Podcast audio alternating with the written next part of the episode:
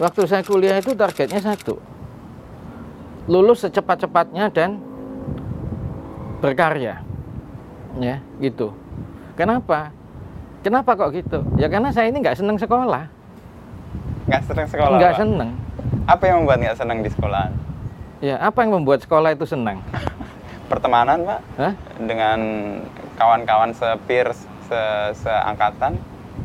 Ya nggak sekolah pun teman saya banyak. Iya malah lebih menarik.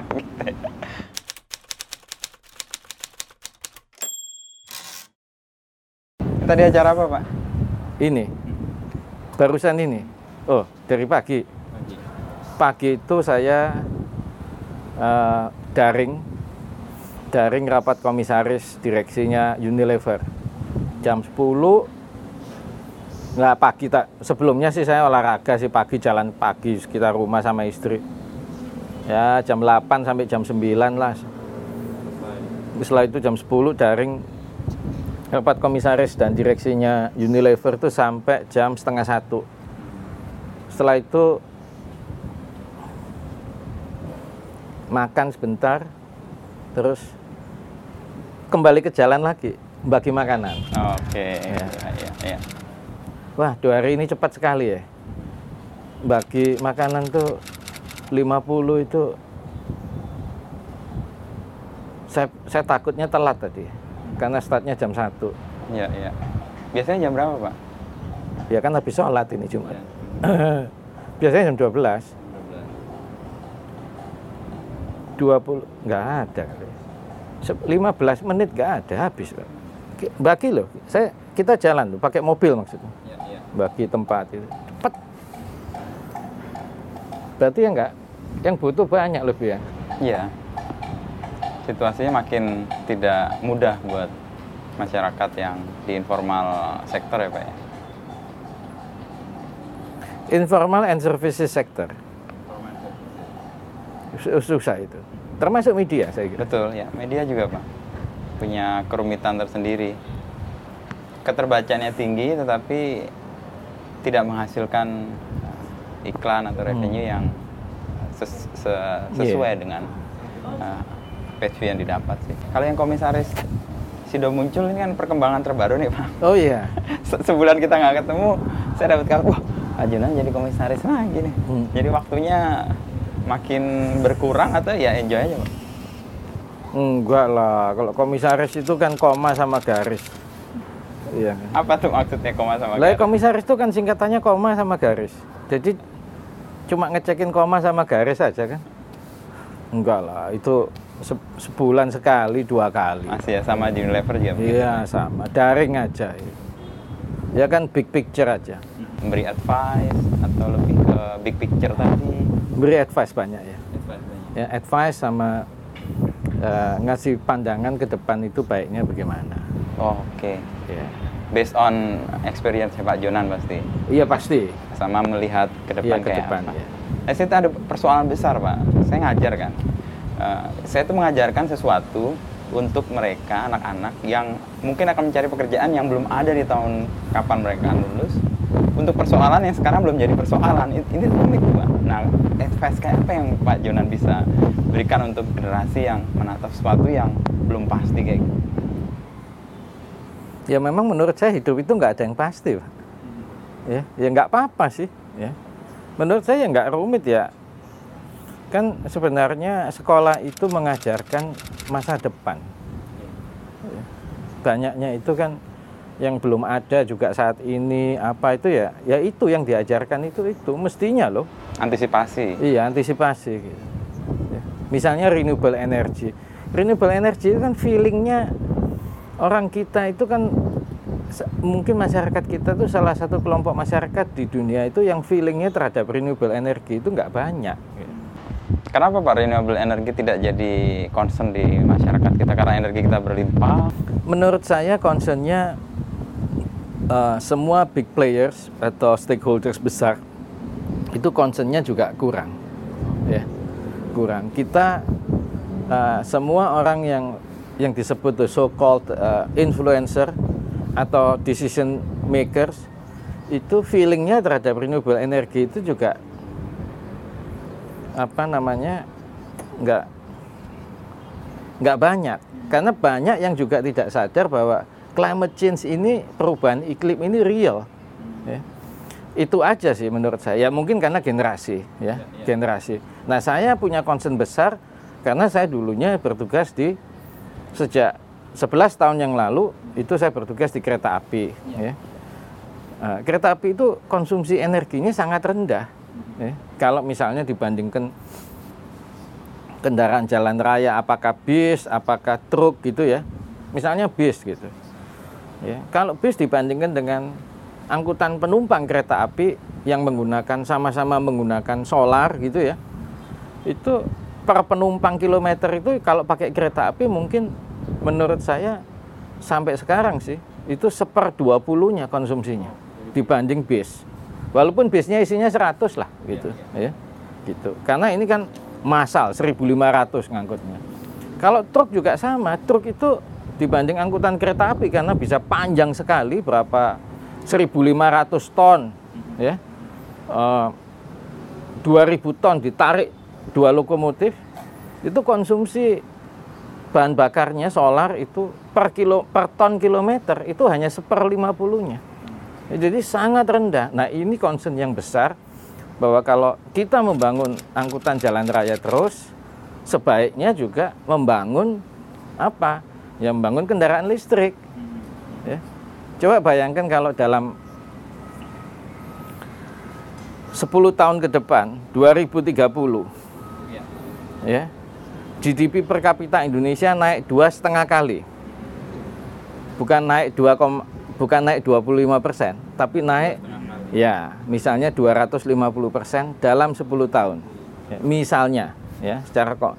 Jadi GDP per kapita kita dari 4.000 ke 10.000 gitu ya. in 10 years. Berapa kebutuhan kendaraan pribadi? Baik kendaraan bermotor roda 2 dan roda 4. Mestinya sangat pesat. Nah, memang betul kalau pemerintah mau bangun jalan raya, jalan tol segala macam, nah yang harus didorong the next one adalah kendaraan listrik karena kalau enggak polusi dari emisi gas buangnya ini luar biasa. Nah ini mestinya tidak dihitung dari untung rugi semata ya karena iklim ya iklim cuaca kualitas udara ini mempengaruhi seluruh kehidupan mestinya. Ya. Coba kalau orang yang hidup di lingkungan yang polusinya itu jauh lebih rendah pasti tingkat kesehatannya jauh lebih baik. Nah, itu akhirnya mestinya direfleksikan berapa biaya kesehatan masyarakat yang bisa dihemat ketika ada nah, renewable energi yang betul. dipakai. Ya. Tapi concern soal itu bukan yang sedang tumbuh juga Pak ya. Dan Pak Jonan kayaknya juga sedang gemar mempromosikan itu ya kalau saya lihat. Ya, saya gemar karena saya itu dulu tugas di kereta api, tugas di perhubungan, tugas di SDM ya. Ini ini jadi satu concern besar yang mestinya semua stakeholders uh, di seluruh iya itu mestinya moving towards that direction gitu. Kalau misalnya saya sekarang uh, punya perusahaan taksi gitu atau bis gitu ya saya akan lobby pemerintah untuk sebagaimana mungkin supaya misalnya pajaknya gratis biaya masuk gratis segala macam supaya ini bisa perlahan-lahan ya. Menjadi masal iya dengan cepat diganti pakai kendaraan listrik semua soal kendaraan listrik ini ada dua peristiwa besar sih Pak. Kemarin Pak Menteri Perhubungan yang menggantikan Pak Jonan yeah, itu tahu. pakai mobil listrik ya yeah. untuk RI 35-nya. Sama Betul. kedua Pak Luhut itu mengatakan bahwa Tesla berniat untuk invest di sini karena kita punya kandungan uh, bahan bakar bahan untuk baterainya itu cukup besar ya. Hmm. Lihat itu Pak Jonan gimana? Uh, saya pikir sih ya secara simbolik Menteri Perhubungan sih bagus ya pakai kendaraan listrik gitu ya. Mobil up mau dibangun di sini ini soal persiapan soal beda gitu. Nah, kalau Tesla sih ya mudah-mudahan bisa sih. Ya karena ini kan macam-macam ini kebutuhannya bikin baterai itu apakah mobil listrik itu ada yang basisnya hidrogen, ada yang basisnya baterai ya baterai litium misalnya ya ini membutuhkan nikel atau kobalt atau apa macam-macam ya teknologinya ini lagi growing memang kita nggak bisa bikin industri baterai listrik itu tanpa memindahkan agen pemegang mereknya itu misalnya Tesla atau BYD atau apa pun juga itu untuk oke okay baterainya karena tiap baterai itu karena ini kalau kesadaran dari para stakeholder yang besar tadi ya Pak Jonan lihat kira-kira 3-5 tahun ke depan akan muncul nggak? Oke, gini. Kalau ngomong perubahan iklim ya, saya harap Amerika akan kembali lagi ke Paris Agreement. Dia kalau kembali lagi ke Paris Agreement itu akan sangat mempengaruhi Uni Eropa, mempengaruhi Jepang, mempengaruhi Tiongkok, ya, yang big players, mempengaruhi Timur Tengah dan juga mempengaruhi the rest of the world, ya, menurut saya. Nah, sebenarnya kalau kita lihat polusi ini diciptakan itu yang dua hal dua besar itu apa? Satu itu adalah transportasi, baik darat, laut maupun udara. Yang kedua apa? Listrik. Ya. Ya, industri itu comes the third. Ya, mungkin ya karena industrinya banyak pakai listrik dan sebagainya ya. Mesin-mesin dieselnya industri itu nggak banyak. Yang banyak itu kendaraan bermotor. Nah, ini yang harus diperangi. Harapan saya sih dan kalau kita lihat negara yang kecil misalnya eh Uni Eropa lah kebanyakan ya dia kebanyakan Uni Eropa kebanyakan nggak semua. Targetnya 2030 sudah tidak boleh produksi mobil yang menggunakan combustion engine. Di sini juga harus. Nah ini harus bersama-sama. Ini kerjaannya kerjaan besar ya. Kalau semua mobil listrik ya listriknya harus dinaikkan. Coba lihat di Tiongkok itu berapa kapasitas pembangkit listrik tenaga surya ya. Yang paling murah itu pembangkit listrik tenaga surya investasinya. Mungkin sekarang besarnya lebih besar dari total kapasitas listrik Indonesia mungkin yang 75 gigawatt. Di sana mungkin lebih 75 gigawatt. Kalau dari eh, PLTS aja. Nah kita ini pelan sekali saya ini dorong. Nah coba lihat kafe ini kafe ini pakai ini. Oh iya ya. di atas itu ada inverternya ya. Rumah saya juga pakai ya. Semua pakai. Saya dorong juga ya. Masjid Istiqlal pakai Pakai ya, ya. betul. Baru direnovasi. Ya, itu. Istana Merdeka, Istana Presiden juga pakai, ya 180 kalau nggak salah waktu itu kami yang supervisi pasangnya. Eh, Kementerian Keuangan sudah mulai pakai, mereka senang sekali itu dipakai.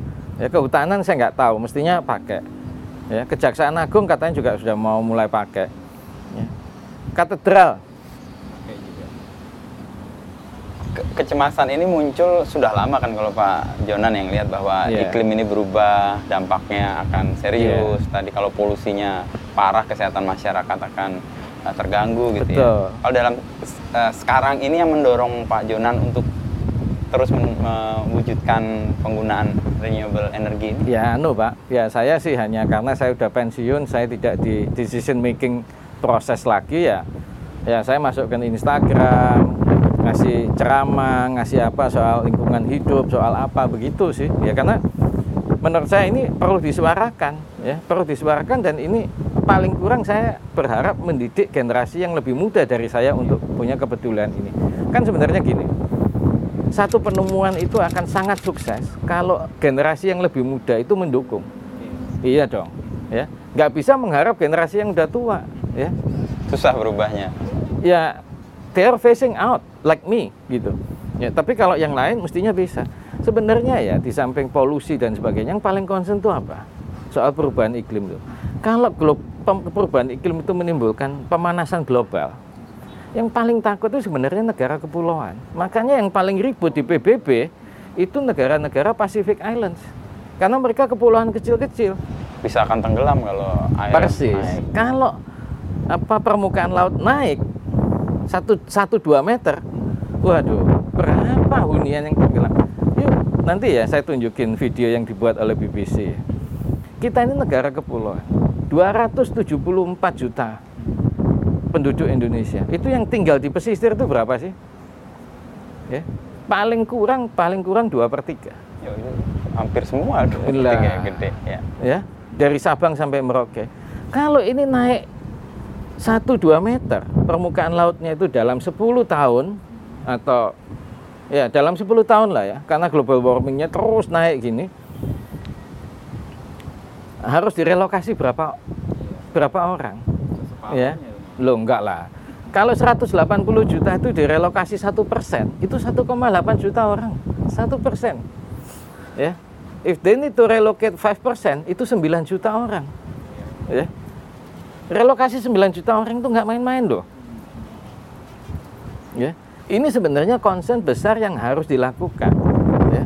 Orang bilang, Pak ini nanti menghambat investasi dan saya kira enggak juga ya. Dunia itu kan sekarang juga investasi itu ada concern bahwa harus apa? Iya has, harus environmentally friendly dan sebagainya. Karena persoalan itu memang ada di depan mata sih. Yeah. Kalau itu tidak ditangani atau tidak Yeah. dilihat sebagai persoalan ya akan jadi makin besar ya, Pak. Betul. Sebuah sebuah kesadaran baru yang buat saya sih anak-anak generasi yang akan melanjutkan generasi kita mungkin akan memelihara ini, Pak. Karena mereka kan masih panjang dan mereka masih berpikir jauh ya Hmm. bahwa kesadaran bahwa akan lingkungan harus dijaga dan Hmm. masyarakat harus mendapatkan apa udara yang sehat dan sebagainya itu jadi concern. Tapi ke- kepilihnya Biden ini akan jadi perubahan yang Saya besar. sangat berharap begitu. Ya. Saya sangat berharap eh, apa eh, presiden terpilih Joe Biden ini akan sangat mendorong ini sih, ya. Dan itu akan sangat berpengaruh kepada banyak kebijakan perdagangan global. Ya. Saya melanjutkan apa yang dulu sempat didorong oleh Obama, sempat terhenti di Trump, lalu ini Iya, nyambung lagi ya. betul. Eh, sebulan terakhir ini yang berubah selain jadi komisaris, selain kemudian Loh, kan sebelumnya kan juga komisaris. Komisaris sudah muncul kan baru Pak. Ya, baru Ya. 25 Ya. November. Nah, kita ngobrol terakhir kan soal buku nih, Pak. Hmm. Nah, saya kemarin sebulan nggak ketemu itu salah satunya pergi ke Jogja. Saya cari-cari buku, Pak. Tapi ternyata saya nggak menemukan di Jogja. Malah saya bongkar gudang saya nih ketemu nih buku. Ya, iya. Saya Ini- juga punya. Aduh, buku yang kemarin kita obrolin nih, buku cerita. Saya baru membaca lagi, Pak. Kenapa kok cerita yang dipilih? Mungkin Pak Jonan juga udah baca. Eh, ada paradoks di sini disebut bahwa orang rindu kebenaran, tapi begitu ketemu kebenaran, dia itu benci sama nggak suka. Nah, cerita itu pintu masuk untuk membawa kebenaran, tapi tanpa orang menolak. Dan itu yang saya dapatkan di sini. Cerita-cerita itu, doa sang katak dan kabar baiknya sih tahun depan akan diterbitkan, Pak. Iya. Kalau nanti buku doa sangkata diterbitkan, kalau penerbitnya mau publikasi dalam bentuk daring misalnya atau webinar gitu, saya salah satu yang diundang untuk ngasih apa testimonial mau saya. Mau, mau. Karena ya karena wawancara kita di awal November itu menceritakan buku doa sangkata dilihat teman saya wawancara itu di YouTube karena saya sudah nggak punya akhirnya bukunya kawan saya itu dikirim ke saya Oh, gitu. iya Nah, jadi saya dapat itu satu set lagi Oh, satu set lagi ya. Baca-baca lagi, Pak, atau mengingat lagi. oh ya gini Eh, menurut saya ini buku hebat jadi saya membacanya itu seperti saya membaca buku yang saya nggak pernah baca lagi ya Ada kebaruan, Iya. ada kesegaran. Iya, kan di usia dulu waktu saya baca itu kan when I was below 30 ya. Sebelum 30 tahun. Nah, sekarang saya 30 tahun kemudian, hampir 30 tahun kemudian saya baca lagi itu ya nuansanya beda kan. Iya dong. Kalau dalam perjalanan hidup nih Pak Junan, saya tuh mengamati Pak Junan tuh hampir tidak menem, saya tidak mendapati kecemasan ya yang di, di Pak Junan itu ya. Dan saya merasa kok Pak Junan tuh bisa uh, seize the moment itu itu gimana sih Pak? Jadi hidup sekarang gitu ya, nggak terlalu larut di masa lalu dan nggak terlalu cemas di masa depan. Itu tipsnya gimana Pak bisa begitu? Hmm. Sebenarnya ya setiap manusia itu dalam hatinya menurut saya ada kecemasan. Saya yakin itu ya. Tinggal besar kecilnya gitu. Nah, eh, saya berusaha sih ya berusaha lari dari hidup di masa lalu lah. Ya. Karena kan nggak akan kembali itu pak. Ya.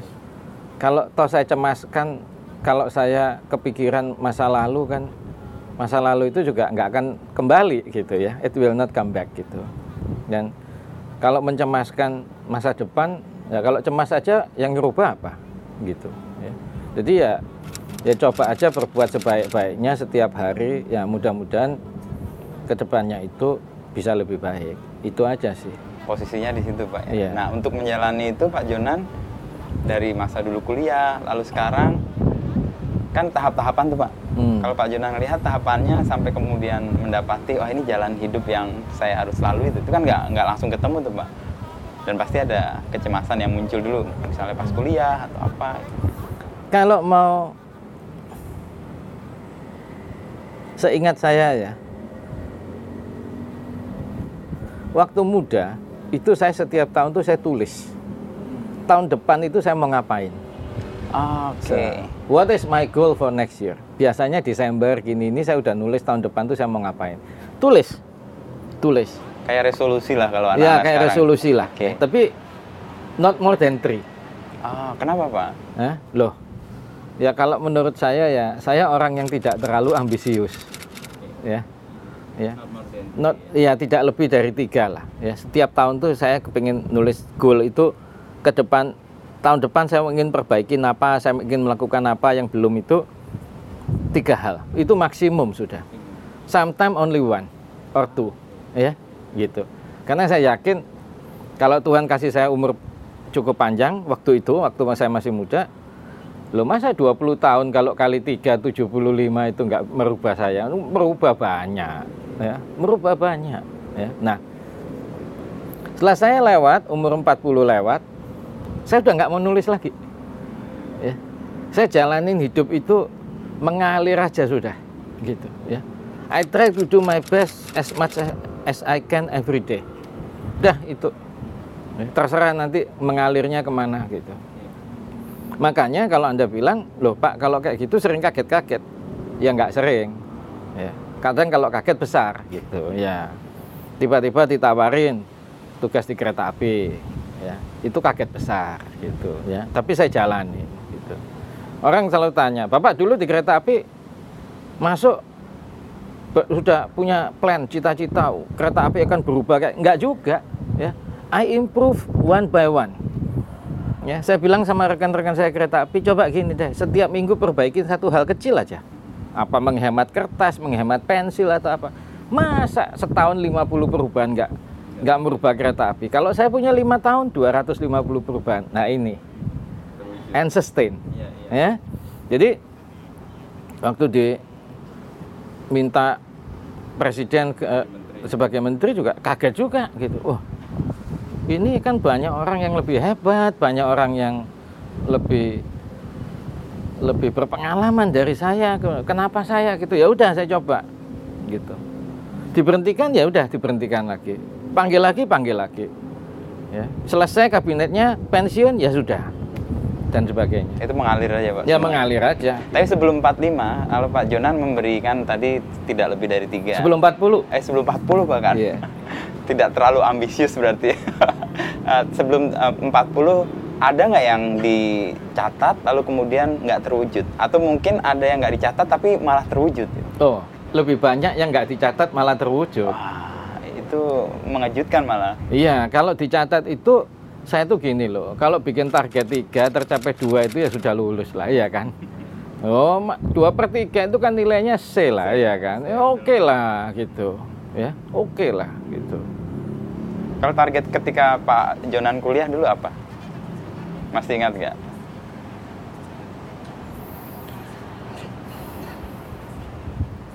Karena di kalangan anak-anak muda sekarang yang lagi pada kuliah ini melihat Pak Jonan tuh gimana dulu hidupnya ya, kok bisa menarik ini perjalanannya. Banyak Eh. bisa belajar dari situ. Waktu saya kuliah itu targetnya satu, lulus secepat-cepatnya dan berkarya, ya, gitu. Kenapa? Kenapa kok gitu? Ya karena saya ini nggak seneng sekolah, Nggak senang sekolah, nggak seneng. Apa yang membuat nggak senang di sekolahan? Ya, apa yang membuat sekolah itu senang? Pertemanan, Pak? Hah? Dengan kawan-kawan se-peers, se- seangkatan? Ya, enggak sekolah pun teman saya banyak.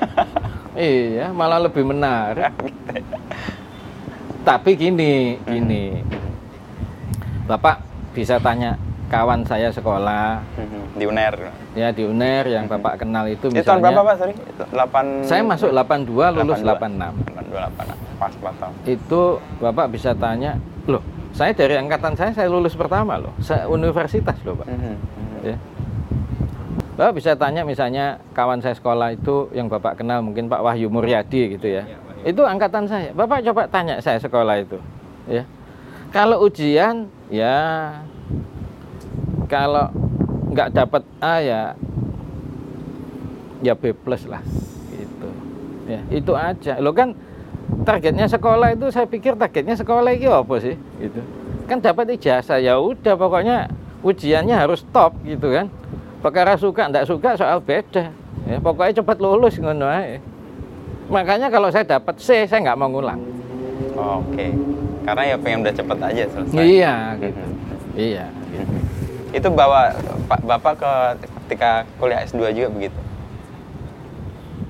sama. Sama jadi tapi enggak. Kuliah S2 itu karena itu eh, apa jurusan yang saya pilih sendiri gitu ya. Yang kayak pengen tahu lah gitu ya. Kepengen tahu ya. Cuma ya membuka horizon baru segala macam ya hanya gini. Ya. Sekolah itu kan lawannya kertas ya. Iya kan kan lawannya kertas gitu bukan orang. Cuma tulis menulis gitu. Ya asal nggak terlalu blow on aja bisa lah dapat A dapat B gitu gampang lah iya kan? Ya gitu aja gitu ya. Eh, belajar nggak gitu?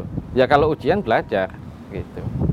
Kalau nggak sempat belajar ya nggak usah belajar. Ya pakai logika iya kan? Kayak itu loh kampanyenya apa propagandanya minyak goreng opo itu loh gunakan akal sehat itu loh nah itu. Iya, iya. saya pernah ujian ya yang namanya international law. Ya. dulu di Fletcher School ada mata kuliah international law. Eh, Pak Sofian ngambil itu sampai doktor sih Pak Sofian Jalil. Juga sama di Fletcher. Kan saya cuma sampai S2 itu international law itu hukum internasional itu bukan undang-undang karena itu traktat itu perjanjian ya. Nggak ada undang-undang. Ya, gimana undang-undang itu kan dibuat oleh suatu bangsa suatu negara. Nah ini kalau international law hukum internasional itu yang buat siapa gitu. Nah traktat. Waduh. Zaman itu bacanya itu di mikrofilm mbak. Wah, di perpustakaan tuh lihat di mikrofilm. Waduh, kok segini banyak ya? Ya udah, gak usah belajar, tinggal tidur aja udah, iya kan? Sampai waktu saya lulus, dapatnya nggak bagus sih pak. Dapatnya itu kalau nggak salah B minus gitu, ya B minus, B minus, B minus gitu. Ditanya sama dosennya, yuk bisa lulus juga ya? Ya saya jawab, loh saya juga heran kok saya bisa lulus gitu. Jadi sama-sama heran kan? Tadi pakai minyak itu tadi Pak, akal Nah, sehat. Iya, Nah, gitu. Traktat itu di situ.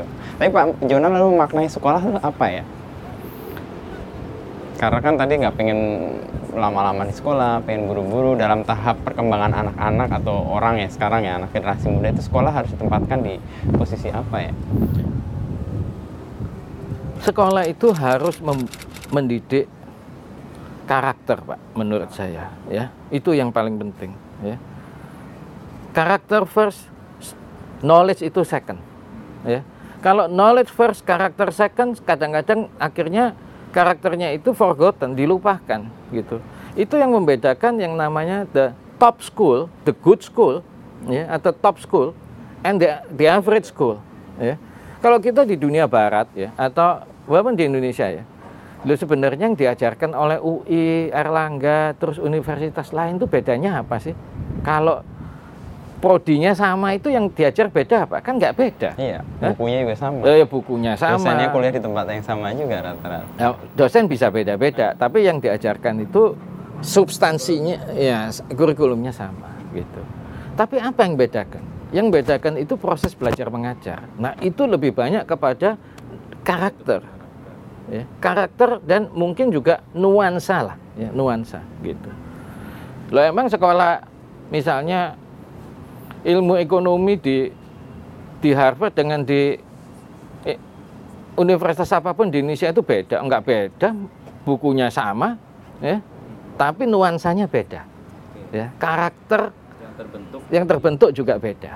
Nah, itu yang membedakan sebenarnya. Value-nya itu di situ. Loh kalau enggak sekarang baca sendiri, iya kan, belajar sendiri.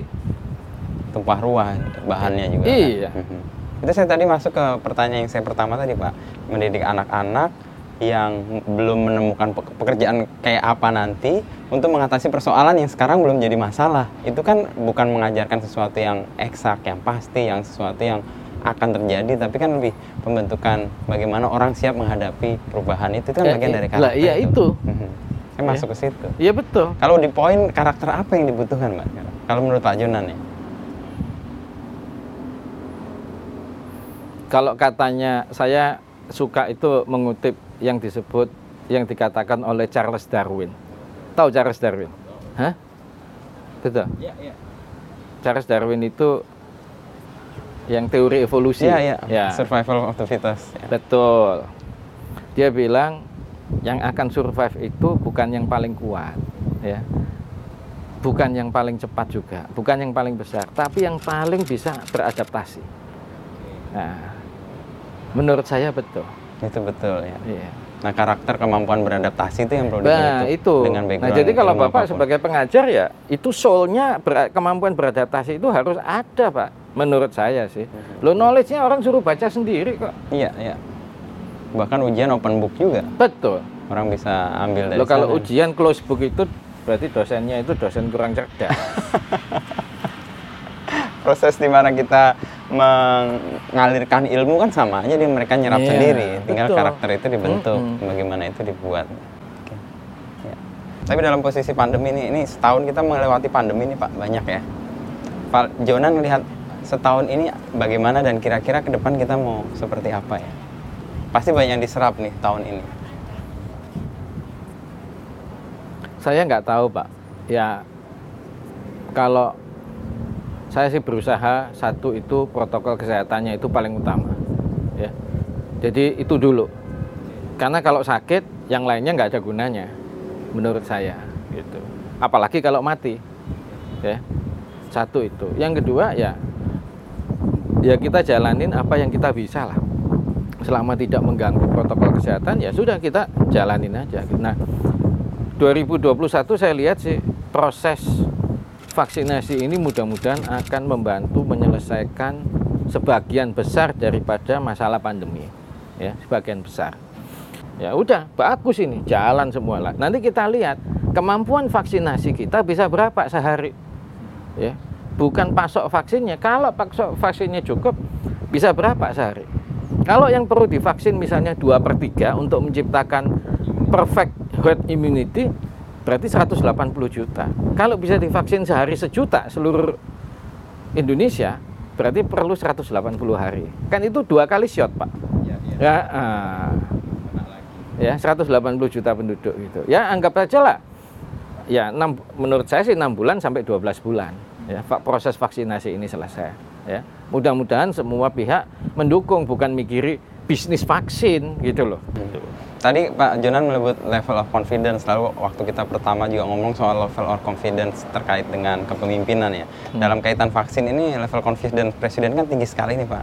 Itu tercermin ke bawah nggak kalau Pak Jonan melihat?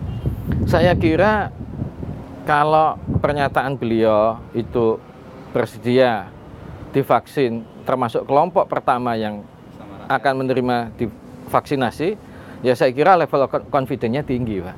Ya. Orang jadi saya nggak dengar setelah pengumuman Bapak Presiden itu level of confidence-nya malah drop, nggak malah naik. Semua sepakat, ya udah kita juga terima vaksinnya, gitu. Nah, yang bahaya kalau misalnya sebaliknya, gitu. Kan Presiden PM Perdana Menteri Singapura kan juga ngomong I will come first. Ya, on the first, among the first lah untuk terima vaksinasi itu. Ya mesti begitu. Itu kepemimpinan gitu ya Pak ya. Ya kan Memberi contoh, memberi teladan. mimpin itu itu ilmunya satu yang ngasih contoh sebelum covid ya sebelum pandemi itu eh, saya mungkin setiap minggu hanya setiap minggu sih itu coba jalan bagi makanan sendiri di pinggir jalan itu even waktu itu saya menteri loh ya saya bagi sendiri ya. Karena itu sebenarnya gesturnya itu adalah gesture cinta kasih. Ya.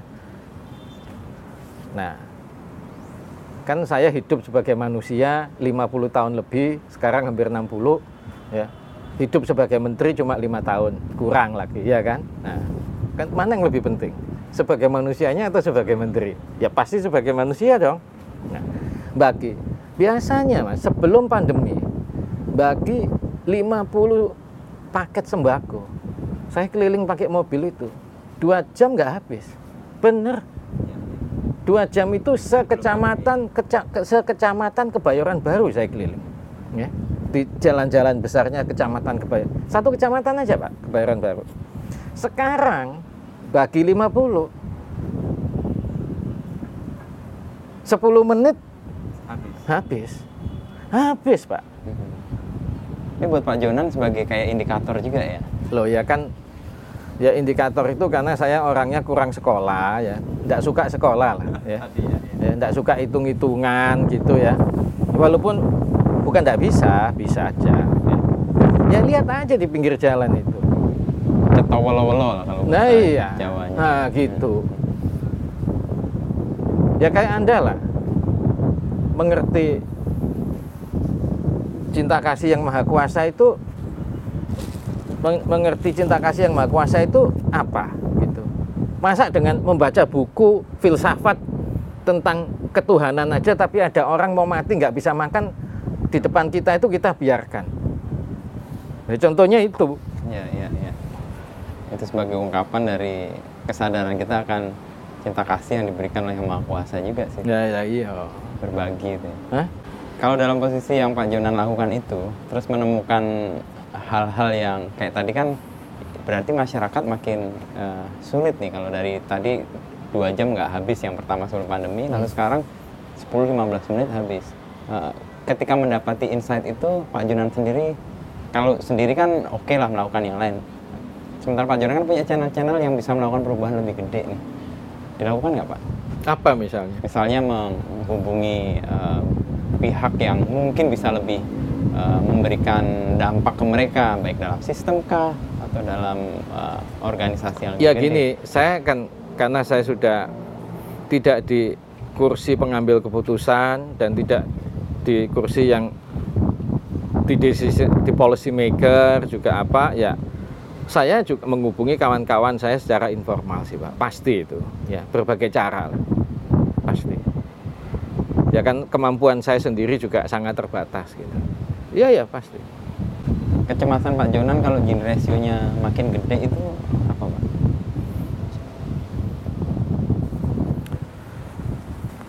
ya ketegangan sosialnya makin tinggi. Pasti pak. Kan kita tidak bisa hidup itu misalnya di satu kampung bapak aja yang punya mobil terus hidupnya sejahtera yang lainnya itu tambah melarat nggak bisa makan segala itu. Terus suasana kampung itu apa? Kan lebih seru pasti. Iya dong. Saya miss loh Pak, Pak Jonan tuh tidak suka sekolah, tetapi malah mendapatkan esensi dari sekolah itu sendiri, pembentukan karakter itu loh. Nah itu yang Kan saya juga sini- berpikir kan di situ ditulis.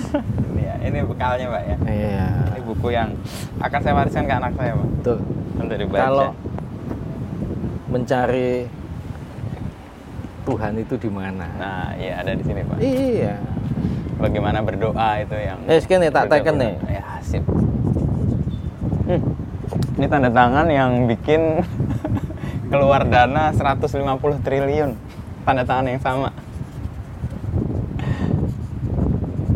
Wah, top. Ini Pak, buku saya Pak, dua Pak. Ah, ini buku ketemu di gudang. Sip.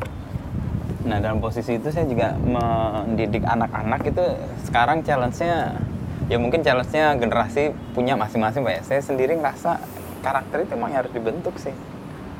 Kejujuran, kemampuan adaptasi, critical thinking yang membuat dia bisa survive ketika ketidakpastian ini banyak banget itu. Setahun ini sih diajari untuk melihat ketidakpastian biasa aja sih. saya sih selalu punya harapan bahwa generasi berikutnya itu yang lebih muda dari saya itu lebih madani lah ya. Lebih madani dan lebih amanah. Itu aja sih. Itu aja. Tanda-tanda itu nyata Pak ya. kalau saya lihat generasi anak-anak saya iya. Ya. Kelihatan dari mereka berusaha berbisnis Iya. peduli pada orang Iya. sosial entrepreneurnya keluar. Iya. Dan generasi yang baru kayaknya juga lebih peduli lingkungan sih kalau saya lihat Pak. soal kesehatan juga jadi concern ada satu masa di mana mereka melakukan bisnis itu ya saya baca di namanya social enterprise Pak jadi mereka mengkapitalisasi bukan untuk kapitalnya tapi bagaimana kapital itu bisa memanfaatkan lebih banyak orang Ya. social engineering juga sebenarnya sama bisnisnya sustain dengan cara merawat lingkungan peduli orang-orang di sekitar Yang penting itu gini, ya itulah lebih madani lah, lebih amanah lah gitu. Dua kata itu sih oke oke Pak Jonan Kita mau berakhir nggak jadi hujan. tadi udah teletik ya tahu teletik Kena ya? tanda tangan nih gak mandek udah. ya. oh ini berarti lebih mahal dari Saya ini kan pekerjaannya pindah-pindah ya. Bukan hanya pindah-pindah institusi, tapi pindah-pindah bidang ya atau segmen atau sektor gitu. Nah, sebenarnya cita-cita cita-cita saya itu apa? Nggak ada ya. Saya itu pokoknya berguna untuk bisa bermanfaat untuk orang lain ya. Dan ya bisa hidup selayaknya wis alhamdulillah sudah itu aja. Sudah tidak ada. Nah orang bilang berguna untuk orang lain itu gimana pak? Nah gini. Saya makin dewasa ya, akhirnya jiwa saya itu satu perubahan yang saya amati itu bahwa kalau dulu waktu muda berusaha berguna untuk orang lain itu siapa orang lain itu orang lain itu orang yang saya kenal. Orang yang saya mungkin ada di hati saya. Orang yang saya cintai. Lama-lama meluas. Berguna untuk orang lain itu juga termasuk untuk orang-orang yang tidak pernah mungkin akan saya kenal dalam hidup saya ya, yang tidak pernah ada di hati saya dan sebagainya. Loh kalau orang berguna untuk yang orang yang saya cintai ya orang nggak bertuhan pun juga begitu pasti. Lah bedanya dengan saya yang mengakui adanya Tuhan apa coba? Ayo. Berguna bahkan untuk orang yang mungkin tidak suka sama kita sekali. Ya, iya. Ya, ya, ya. itu aja. Siap Pak